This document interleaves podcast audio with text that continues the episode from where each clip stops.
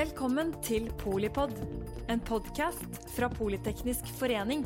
Et kunnskapsbasert medlemsnettverk for bærekraftig teknologi og samfunnsutvikling. Velkommen til denne Polipod-episoden direkte inne fra Arendalsuka. Vi kaller det Polipolitikk. Eh, vi eh, snakker i dag om rett og slett eh, Just Do It. Det er mye politikk, snikksnakk, i Arendal, og vi skal i dag fokusere på noen som faktisk gjennomfører den politikken. Hårete mål og, og, og ikke minst viktige mål som, som rulles ut i virkelig industri. Det blir gøy. Vi har med Henriette Undrum, som er direktør for grønne verdikjeder i Equinor. Og vi er med Bjørn Mauritzen, som er direktør for bærekraft i Hydro. Hei, hei. Det er jo to eh, solide selskaper i store deler av verdikjeden og, og, store deler av det norske arbeidslivet. Dere har hver deres viktige bærekraftsagendaer. Men eh, sett fra deres side, hva burde vi snakke om når vi snakker om stortingsvalget, Henriette? Jeg tenker kanskje fra et industriperspektiv så, så, tenker jeg at vi burde snakke om eh, hva skal til, eh, og hvordan kommer vi nå fra disse visjonene? Og alle, alle vil jo. Hvordan kan vi komme fra det og over til reelle storskala investeringer i nye ting? som gjør det mulig for oss å omstille. Så jeg vil gjerne komme fra visjoner til investeringer og investeringsbeslutninger eh, i storskala. Det er, derfra, det er dit vi må, tror jeg. Enig? Ja. Eh, det som mye av diskusjonen går på, som, som du kanskje vil fram til, er at eh, vi snakker mye om reguleringer. ikke sant? Og Hvis du ser de siste 20-30 årene, så har klimagassutslippene falt, i alle fall for industrien, i, i, i, Norge og, og, i EU, til og med i USA. og det har jo vært mye regulering, og det har funka. Men så er det litt sånn at nå er det bare 30 år til 2050. Da skal vi være i null. Og da må vi stille oss spørsmålet kan vi regulere oss helt ned til null. Eh, og jeg tror vi må ha mye mer reguleringer framover òg, men jeg tror vi må også snakke om hvordan kan vi ta markedet i bruk. Hvordan kan vi som forbrukere faktisk bli gjort i stand til å ta de rette valgene. ikke sant? Nå er det sånn at uh, vi har masse investeringer i f.eks. elbiler. Folk i Norge kjøper elbiler som bare det. Uh, de har ikke utslipp. Men da, uh, er, hvordan, skal være, hvordan skal da den nye bilkjøperen være klar over hvor mye CO2 det har gått med til å produsere selve bilen? ikke sant? Så, og Det samme med bygninger. ikke sant? Bygninger er jo nå nesten eh, energinøytrale. Da må vi begynne å fokusere på hvor mye energi har det gått med, og CO2-utslipp ikke minst, til å, til å, bygge disse bygningene. Hvordan, hva, hva, ligger det egentlig i disse materialene? Så jeg tror Vi må fortsatt ha veldig stramme reguleringer, men jeg tror også vi må tenke på hvordan kan vi ta i bruk markedet og gjøre oss som forbrukere i stand til å velge det som er et bedre alternativ for, for, for klima og miljø. Ja, og det kan man Det er jo lett å si. Det herlige med dere er jo at dere faktisk eh, gjør ting. Hvordan gjør dere det? Hva gjør du konkret? Du har ansvar og har hatt ansvar for mye på norsk sokkel. Ja, jeg tror kanskje vi, vi har jo i hvert fall konkret nå så gjør vi jo litt det som Bjørn trekker. Og vi har, vi har sagt at vi skal til null. Vi skal faktisk til nær null utslipp på norsk sokkel. Eh, og det betyr jo at vi må liksom ha en helt annen plan.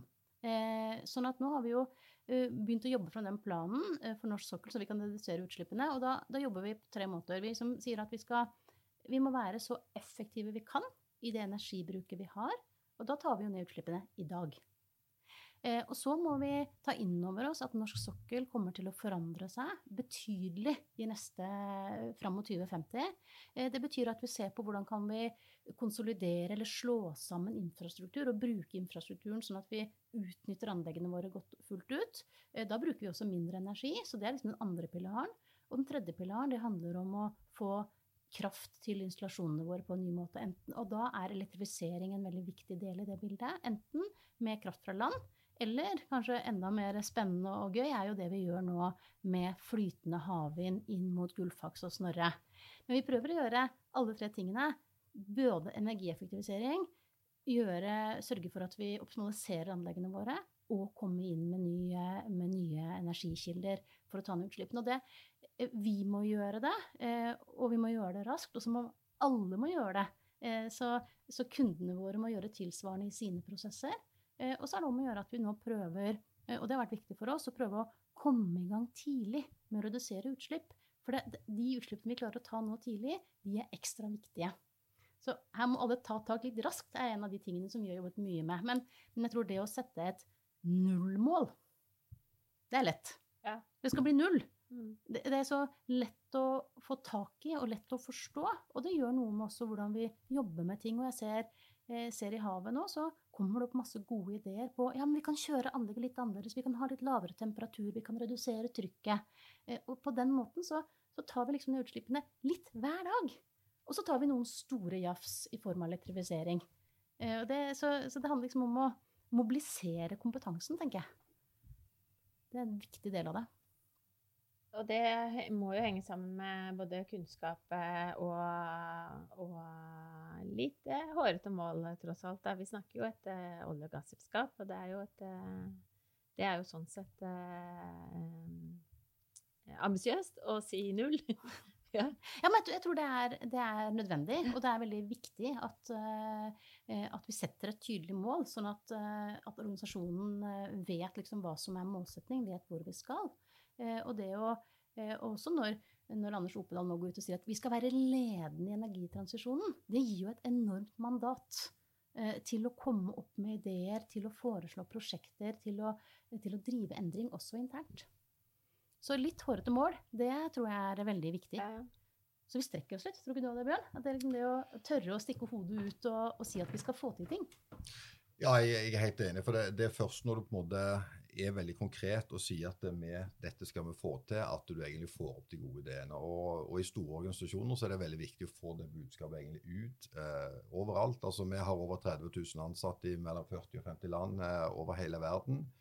Og alle måneder drar. ikke sant? Det betyr at det egentlig alle må, eh, alle må få lov til å, være motivert til å komme opp med, med, med store og små, små tiltak. Eh, så, så, vi har jo på en måte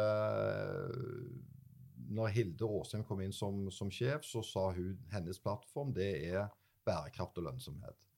Uh, og det har veldig mye å si, dette som på godt norsk kalles det 'tone from the top'. Det har, har mye å si i, i store organisasjoner.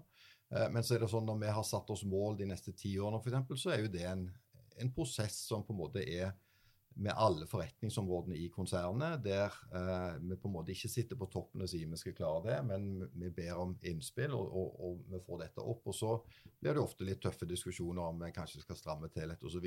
Men, men det er òg veldig viktig at hele organisasjonen er med på dette her, og at hele organisasjonen òg forstår hvorfor dette er viktig.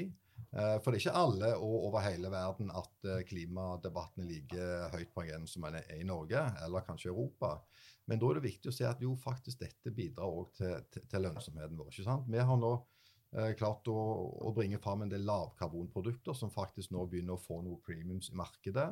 Eh, høy grad av resirkulering. Alle ser på en måte at det, dette er faktisk god business òg. Og det er nettopp når du på en måte klarer å vise hele organisasjonen at det, når du vrir når du vrir salget ditt eh, eh, over på produkter som har gjerne 75% resirkulert innhold i metallet, så står kundene Jeg skal ikke si de står i kø, men eh, du, det er iallfall en veldig god døråpner til å komme inn på spennende nye spesielt prestisjeprosjekter innenfor bygg, så er jo det i seg selv veldig motiverende. Så når du klarer å kombinere dette med lønnsomhet og bærekraft, det er jo da du egentlig får Du, veldig, du slipper veldig mange kreative, sterke krefter løs da, i en stor organisasjon. Hvilke produkter er det eh, helt konkret? Ja, Vi har noe som kalles sirkal. Eh, det er metall som vi selger mye til byggeindustrien, der vi garanterer at 75% av det metallet har vært brukt før. Altså det vi kaller for post consumer scrap. Altså Det er noe som er tatt ut av skraphaugen, for å si det sånn, og gitt et nytt liv. Eh, og så har vi òg på det vi kaller primærmetall. ikke sant? Det nye metallet vi produserer på f.eks. våre fem smelteverk i Norge.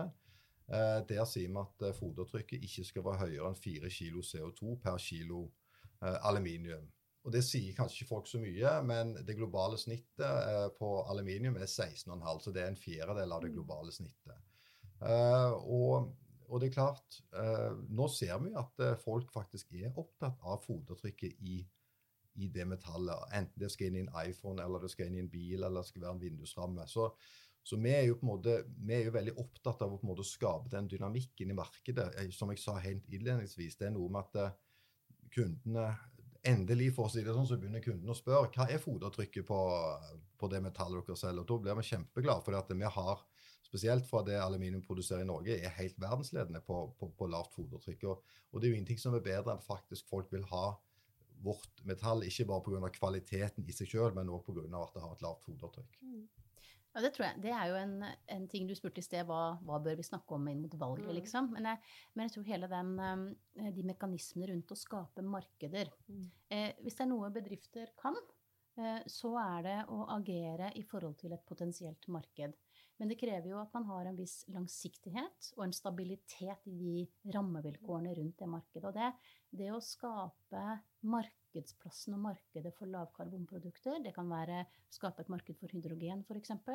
Eh, vi jobber jo mye med å, å, å, snakke mye i Norge om hydrogenverdikjeder. Mm. Det kan jo potensielt bety å løfte en ny storsatsing, sånn som vi gjorde med gass mot Europa. Mm. Det kan ingen bedrifter gjøre alene. Det betyr at man må liksom ha en stor satsing i fellesskap sammen med norske myndigheter. Eh, og de må hjelpe oss sammen med europeiske myndigheter å skape det hydrogenmarkedet. For da er det enorme investeringer som må gjøres i infrastruktur. Eh, og så kan vi jo gjøre det tidlig eh, med å komme inn med hydrogen fra naturgass med CCS. Og den samme infrastrukturen kan jo etter hvert som det blir grønt hydrogen tilgjengelig, da brukes også til grønt hydrogen. Og sånn sett så, så skaper man på en måte et fundament for å komme i gang raskt. Eh, men dette er jo ting som må Disse markedsmekanismene, det å, det å få fram det som reduserer risikoen for en investering Bedriftene har investeringsvilje, eh, men vi, vi, trenger hjelp til å håndtere risikoen der det må mm. bygges nye markeder. Eh, og det er jo ingen, det er ingen bedrifter som ønsker seg å være avhengig av subsidier. Bedrifter ønsker seg å kunne konkurrere og operere i et marked, for det er, vi, det, er det vi på en måte kan er gode på. Det å leve i sånn politisk usikkerhet, det er jo det er vanskelig, og det hemmer investeringene våre. Så det, det, jeg, det er ett eksempel på hydrogen. Jeg synes kanskje et, et, annet godt eksempel det, det, er jo det som nå har skjedd på CO2-lagring. Eh, det, er, det er lett for at denne debatten handler mye om fornybar energi, men det er viktig å huske på at det er jo mange prosesser, eh, særlig i industrien, eh, som ikke har noe alternativ i elektrifisering. Eh, og for dem så er CO2-lagring på en måte en naturlig vei å gå.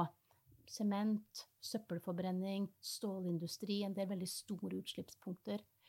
Og eh, med det prosjektet som nå er under bygging på norsk sokkel, Langskip eller Northern Light som vår del heter, som er eh, lagringen, så har man jo etablert en verdikjede som gjør det mulig for bedrifter som Hydro eller andre å faktisk komme med CO2-en sin og levere. Eh, da vi begynte på dette, så fantes det ikke én kunde. Eh, da vi begynte å jobbe med dette, og da, da, vi gikk sammen med staten, sammen med partnerne våre og gikk til beslutning, så, så hadde, vi, hadde, vi, tre kunder som, som, staten på en måte hadde sagt de skulle hjelpe. Nå har vi 50 bedrifter som står fra EU som står og banker på og lurer på når de kan komme med CO2-en sin. fordi at nå har vi tatt spaden i jorden. Ikke sant? Så nå, nå fins løsningen. Fins. For tre år siden så var det ikke mulig for dem å ha det som strategi. Så det er noe med å, å tørre å legge på plass de første løsningene som gjør at for andre Det som var en risiko for oss, er nå en mulighet for de andre, og det bygger et marked. Så er det fortsatt sånn at de vil trenge hjelp til å, å komme i gang med CO2-fangst i en tidlig fase, til det markedet liksom utvikler seg og teknologien går ned i pris. Men det er noe med å få opp de første demonstrere muligheten, vise at det er en reell mulig løsning, det åpner jo også innovasjonen i hele markedsbyggingen og, og, og forretningsmodellbyggingen. Men det, det, er helt utrolig det som har skjedd på CCS, og dette har Norge drevet frem. Ja, er, eh, jeg har jo jobbet med det selv, så det er, eh, det er eh, for så vidt til det. Og det er jo noe med at den, den altså det, det, som skal lagres nå, det er jo um, forsvinnende lite i forhold til det store potensialet som er der. Ja. Men du får jo aldri ned kostnadene eller, eller, kontroll på prosjektutviklingen hvis ikke du kommer i gang. Der er det jo faktisk tverrpolitisk eh, enighet, eh, og det handler jo egentlig om en sånn eh, privat-offentlig si, markedsdesign. Da. Mm. Det er kanskje ikke sånn helt regulatorisk, men det er, det er jo et allikevel partnerskap med, med myndigheter. Som, Ja, og det har vi vel suksess med tidligere i Norge òg, for andre Ja, sprang vi har gjort. Og så, og så handler det jo om også å få Denne gangen da, så opplevde jeg at det var veldig viktig det vi gjorde med å, å splitte opp verdikjeden litt. Eh, sånn at vi har et fleksibelt transportsystem som kan hente CO2 fra hvor som helst. Så plutselig så var kundegrunnlaget veldig mye større eh, enn hvis man hadde laget dette som en integrert verdikjede, som har vært jobbet mye med før. Og så er det helt nødvendig for å få økonomi at man kommer til storskala løsninger med rørtransport osv. Men nå har vi basert oss på en båttransport, og det gjør det mulig å komme i gang. Så det var liksom noen, ble gjort noen smarte grep der i designet, nettopp for å gjøre terskelen og risikoen for å komme i gang med det første prosjektet akseptabelt. Den var fortsatt høy. Det var fortsatt mange som lo da vi gjorde det, ikke sant? Det Men er fortsatt mange som ler. det, det, nå vet jeg ikke om det er så mange som ler lenger, men eh, da jeg begynte å jobbe på dette for 20 år siden, var det i hvert fall mange som lo. Mm. Og tenkte er dette Mm. noe å jobbe med, liksom? Mm. Eh, Så mm, man må ha litt eh, tålmodighet og stayerevne. Og et, også tror jeg det er viktig at sånne selskaper som både Hydro og Equinor, at, vi, eh, at de store selskapene de har jo finansiell styrke, og de har kompetanse, og de har prosjektmiljøer som kan holde ut i teknologiutviklingsfasen. Ja, det ser dere sikkert også på aluminium, at det liksom å, holde ut hele veien i mål Det er så lang vei fra den første ideen, og det er så mange ideer som skal mislykkes før du har den store suksessen. Ja, si Ofte så er det jo sånn, så tenker en kanskje at uh, alt det spennende og nye det skjer i sånne små oppstartsselskaper, men uh, det er noen ganger det hjelper å være litt stor òg. Et eksempel på det er jo eh, innenfor fornybar. ikke sant? For fem år siden så hadde ikke vi tenkt at vi, vi skulle kjøre våre smelteverk på, på vindkraft. ikke sant? Eh, Smelteverk skal gå 8760 timer eh, med akkurat samme strømstyrke hele veien. Men, men så viser jeg det at eh, faktisk så, så er det sånn at de som skal bygge ut vindkraft, de har egentlig veldig lyst på lange kontrakter? Mm. på 20-30 år. Mm. Med en motpart som eh, de stoler på at skal betale og, og kommer til å bruke strømmen. Eh, og det har jo på en måte Der ser du på en måte at eh, kraftkrevende industri og fornybar industri har egentlig funnet hverandre i en eller annen eh, løsning som eh, vi ikke hadde sett for oss før. Men, men, men det er også et eksempel på at det faktisk så, så er det Og det er jo litt sånn at eh, hvis du Og det sier jeg eh, til, til, til unge folk òg. Altså hvis du eh, er interessert i bærekraft og, har lyst til å gjøre noe, så er det bedre å begynne å jobbe i et eh, selskap som har noen utslipp å kutte, enn i et selskap som ikke har noen utslipp i det hele tatt. Så, så det er noe med at det er masse muligheter, og, og, jeg tror nok at det vi ser, og, og dette med ny, verdikjeden for, for, for CO2-lagring, er på en måte det er veldig mange på en måte, muligheter der en, hvis en tenker litt på tvers ikke sant, og tenker litt alternativt, at det, at det faktisk er ofte at industrien eh, kan være den som på en måte faktisk muliggjør investeringer, altså fornybare investeringer. Så, så det er så masse muligheter òg, ikke sant. Og, det er jo det vi på en måte ser med Det er jo al- al- altså Spesielt nå ser vi på resirkulering, ikke sant, som vi satser veldig, veldig vi har altså Aluminium har blitt resirkulert i over 100 år, eller så Mm. lenge. Men, men, men jeg har, nå ser vi på en måte at uh, vi, vi, vi, vi har klart å utvikle teknologi som gjør at vi klarer å, å hente tilbake metall vi ikke klarte før, ikke sant, med å bruke avansert eh, lagrings, nei, eh, laserteknologi osv., som gjør at vi klarer også skille alle forskjellige legeringene, som gjør at vi får en mye mer effektiv og, mye, og en mye bedre en måte, sortering, som gjør at dette blir, blir lønnsomt, og, og, og at du klarer å ta vare på ressursene mer. Og Det ser vi jo kanskje òg det er noe som eh, Det er litt sånn som oss forbrukere òg. Vi har jo lett for å Står det at det resirkuleres, så kjøper vi det. Og det er jo bra, ikke sant? Så, men da skal det bare bli gjort på en, på en ordentlig måte. Hvor gjør dere akkurat det siste? Vi har masse interesse her rundt sirkulærøkonomi, da. Og igjen litt sånn kjøtt på beinet for det, for det er jo også litt sånn buzzword. Så Ja. Nei, altså, Resirkulering foregår uh, overalt, men akkurat uh, det, det mest avanserte sorteringsanlegget vårt det, det, det ligger i Tyskland. Uh, og så er det jo eh, Som sagt, aluminium består jo av mange forskjellige legeringer. Noe skal ha litt sink, noe skal ha litt jern, noe skal ha litt magnesium. Det er jo sånn at Selv en drikkeboks har forskjellige legeringer. Det er sånn at På toppen av drikkeboksen så er det litt, i det aluminium der er det litt magnesium som, Mm. som gjør at den blir litt stiv, sånn at du klarer å åpne opp den andre boksen. Mens det som er på en måte resten av boksen, det er en annen legering.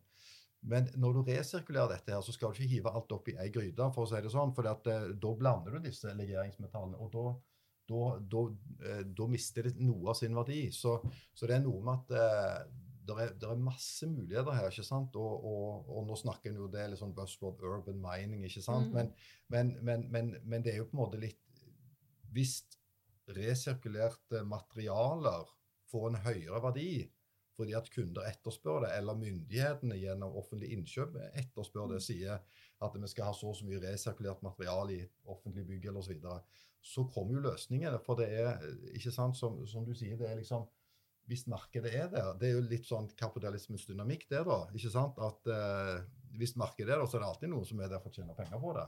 Og det er ikke noe galt i det, så lenge, så lenge du på en måte eh, eh, liksom Markedskreftene tar sine riktige retning. Det er ikke sånn at det markedet i seg selv er verken ondt eller godt. Eh, men gjennom, med rammebetingelsene så kan du jo på en måte styre hvordan bedriften skal investere. ikke sant? Så, så det er jo masse muligheter her.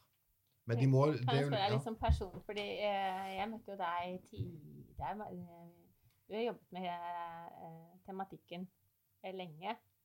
Og, og hvordan eh, Det er jo stamina. Det er ikke bare stamina for eh, måte et selskap. Det er jo noe med ildsjelene og frontrønnerne som har holdt i dette i, i opp- og nedturer. Dere er, er jo begge representanter for noen som ja, som fanebærere internt da, i store organisasjoner. Eh, og det er jo det er, det er sikkert veldig gøy på en god dag, og så er det jo krevende når, eh, når det, det tar tid og kjernevirksomheten dundrer eh, eh, på egen hånd. Litt sånn eh, Du var litt sånn inne på karriereråd, for så vidt. Det er litt gøy å høre hvordan du hvordan eh, det er å være den som på en måte eh, løfter fram og skal samle og, og motivere til at dere faktisk nå jobber så konkret med løsninger som har såpass stor impact? Altså, så lenge jeg har, jeg har jobbet med dette lenge, du har rett, rett i det i, eh, i, i Hydro, men, men det har egentlig alltid vært en interesse i ledelsen i Hydro og styret i Hydro og blant våre eiere, og at en på en måte skal ligge foran. eh, Så det har det egentlig aldri vært noe tvil. Og så er det på en måte eh, men, men så er det jo det litt sånn store organisasjoner og med, med tunge investeringer, så, så tar jo ting tid, ikke sant? Men, men, men allikevel så liksom de siste ti årene, så, sånn som jeg ser det, da, så hver eneste investering Hydro har, har tatt, har blitt tatt i riktig retning. ikke sant? Mhm. vi, vi, vi, har, eh, vi, vi selger mer av vårt metall inn i markeder der de, du kan demonstrere en klimagevinst, altså lettvekting av biler f.eks. Eh, Det nye metallet vi har brakt på markedet, har bare vært fornybart. Og vi nå satser på, på, på, på resirkulering enda mer. Og I tillegg så, så jobber vi nå med batterier sammen med bl.a. Equinor. Eh, og, og vi jobber med hydrogen. Og, og vi, vi jobber jo òg nå med å få etablert et uh, fornybarselskap Rein. eh, som, som skal hjelpe ikke bare Hydro, men, men, men andre selskaper i å, forbedre fuelmiksen. nå. Vi har 70 fornybart eh, globalt eh, i våre smelter, men det betyr at vi har 30 igjen.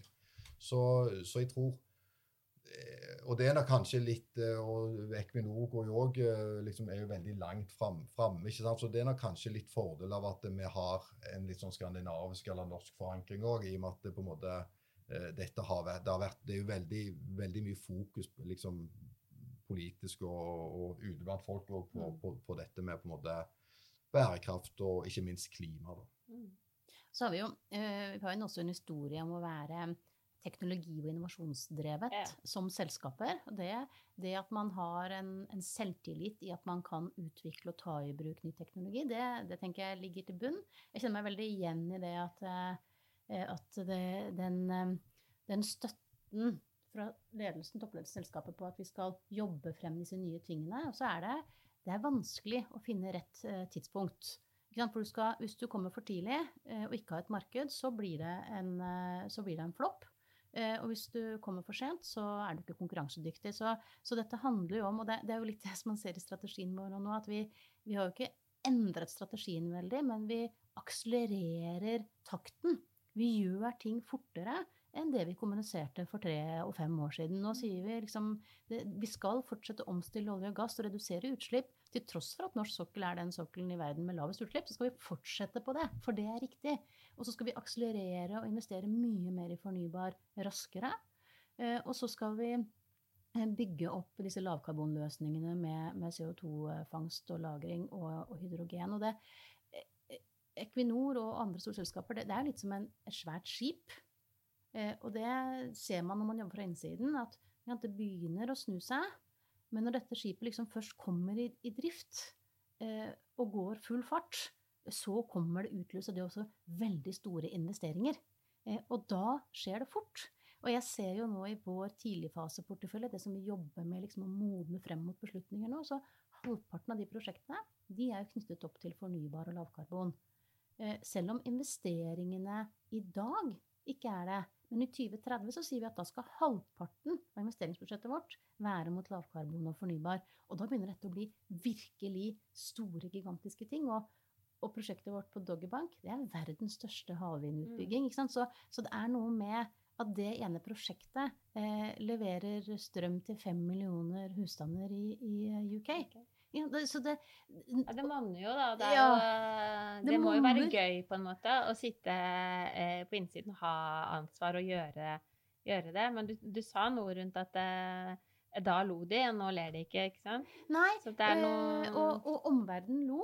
Mm. Og ledelsen sa 'fortsett å jobbe'. Mm. Ikke sant? Ja. Eh, og, og, det å ha den stayerevnen. Og så er det jo noen ting, og jeg har sittet i teknologimiljøet vårt lenge, eh, noen ting har aldri blitt noe av. Noen ganger så har vi brukt mange penger og ikke lykkes.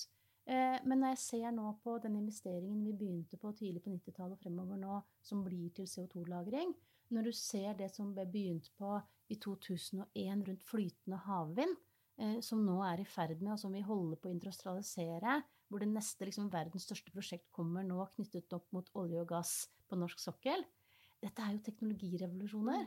Eh, og det er jo drevet frem av gode teknologer med gode ideer, og med en ledelse som tør å satse liksom på flere fronter. Og, og, det handler jo også om å være robust for mange fremtidige utviklinger som ikke vi vet. Ja, da må du ha litt mm. flere egg i den kurven. Mm. Og så må du akseptere at ikke du kan lykkes med alt. Og så er det jo gøyere å snakke om suksessene, da. Samtidig som jeg tror at det er vel, det er vel få ting man, eh, man, lærer så mye av som de tingene som, som man ikke fikk til. Det, det, er ikke noe gøy eh, å, å, melde opp til, eh, oppover i systemet at, eh, at, nå har vi feilet big time. Men, men, man lærer ganske mye av det, også som leder. Det at gå tilbake til teamet og si at ok, vi har faktisk gjort en kjempejobb, vi har ikke levert noen ting. Mm. Men, men, vi har faktisk levert, og, og vi visste at sannsynligheten var lav. Vi kan ha en egen podkast på alt som ikke er gærent. det er ikke så gøy, da.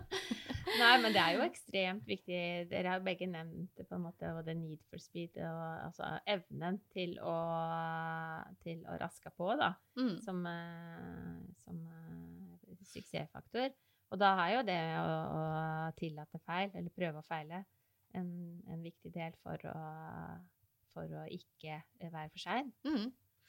Altså, og så er det jo, og det, det, tror jeg skjer i mange selskaper nå, er jo at eh, en, en ser ikke på type bærekraft eller klima som noe på siden. ikke sant? Altså Det er en del og liksom er en del av, av selve forretningsvirksomheten og driften. da det, Sånn som vi jobber, så, så har vi en, eh, en, sånn, eh, en strategiavdeling som, som, jobber med strategi, business development, sustainability eller bærekraft og teknologi. Vi sitter sammen fordi at teknologi, strategi eh, og bærekraft, det, henger, det er én gruppe, det. Mm. Uh, og det gjør jo på en måte at vi får det gjør jo at vi, får på en måte veldig gode diskusjoner, og og, ut med alle forretningsområdene. Så det gjør at vi tenker litt mer helhetlig på det òg. Og så er det jo nå, ikke sant, i siste løpet Jeg vet ikke hva, hva du tenker, men jeg syns iallfall i løpet av de siste to-tre årene så, så, har jo dette på en måte blitt det kommer mer og mer på agendaen litt av seg sjøl, uten at en mm. slipper å sette det på agendaen. Mm. Og, og, det er jo egentlig det som er målet, da, når det er at uh, de forretningsområdene eller andre i selskapet er mer framoverlente enn oss som jobber med det. med bærekraft. Da har vi jo på en måte Vi jobber jo litt for at vi skal bli arbeidsledige, da, ikke sant? Altså For at det skal bli, bli en sånn en eh, Men jeg håper det ikke skjer med en gang, da. Men, eh, men, men ikke sant? Altså, at det, det er litt sånn som du tenker liksom på HMS, da.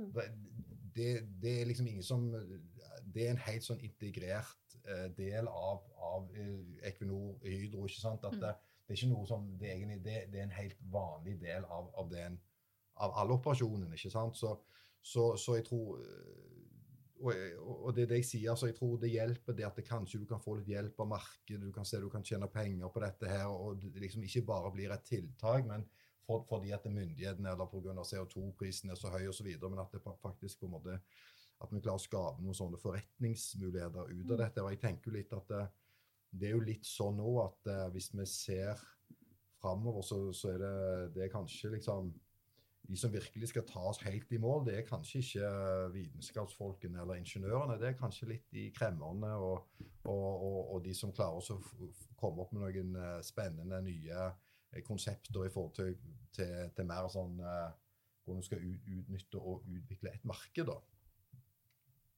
Det var en fin eh, Vi liker jo i Poli teknisk å være litt tverrfaglige, så det var jo en eh, utstrakt hånd til, til samarbeid der. Har du noe litt sånn frampek eh, før vi runder av, Henriette, i forhold til eh, hvor, hvor Det samme, egentlig. Hvor, eh, hvor eh, vil liksom organisasjonsutvikling og, og bransjen gå mellomlang sikt? Jeg, tenker eh, Vi har klart å oppsummere strategien vår i, i seks ord. Og det tenker jeg er fint for et Det er Hemingway, det. Det er mulig, men det er i hvert fall, i hvert fall ganske bra, syns jeg, for et så stort selskap. Og det, det er alltid sikker, høy verdi og lav karbon. Og det er jo akkurat den balansen du trekker i. At det liksom, og det er øverste strategien for selskapet vårt. Det handler om å, å finne liksom den balansen som ivaretar de tre tingene i, i sammenheng.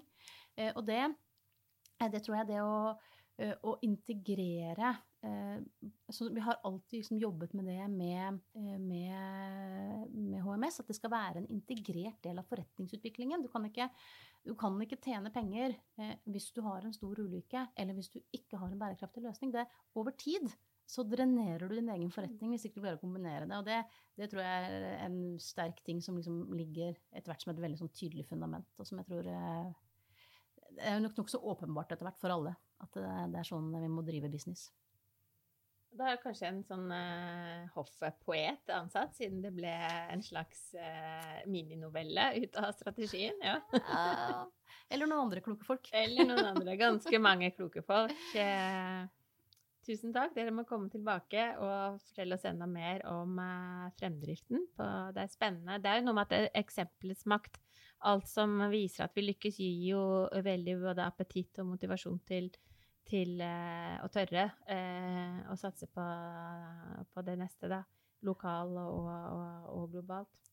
Så bare må oppfordre liksom, kloke folk til å engasjere seg Ja. med kunnskap og kompetanse. Det er jo det denne bransjen og industriene trenger. De Ja. trenger kompetente folk som, eh, som vil engasjere seg. Det gjør vi jo her, så takk Henriette Undrum, direktør for grønne verdikjeder i Equinor. Tusen takk til eh, Bjørn Mauritzen, direktør for eh, bærekraft, eh, inkludert klima, i Hydro. Takk til deg som lytter og ser på. Eh, Det er nok av muligheter til å både engasjere seg, lære ting og faktisk da, som de gjøre noe med det. Takk for at du lyttet til Polipod fra Politeknisk forening. Få med deg flere episoder, eller bli med på nettverksmøtene som du finner på at polyteknisk.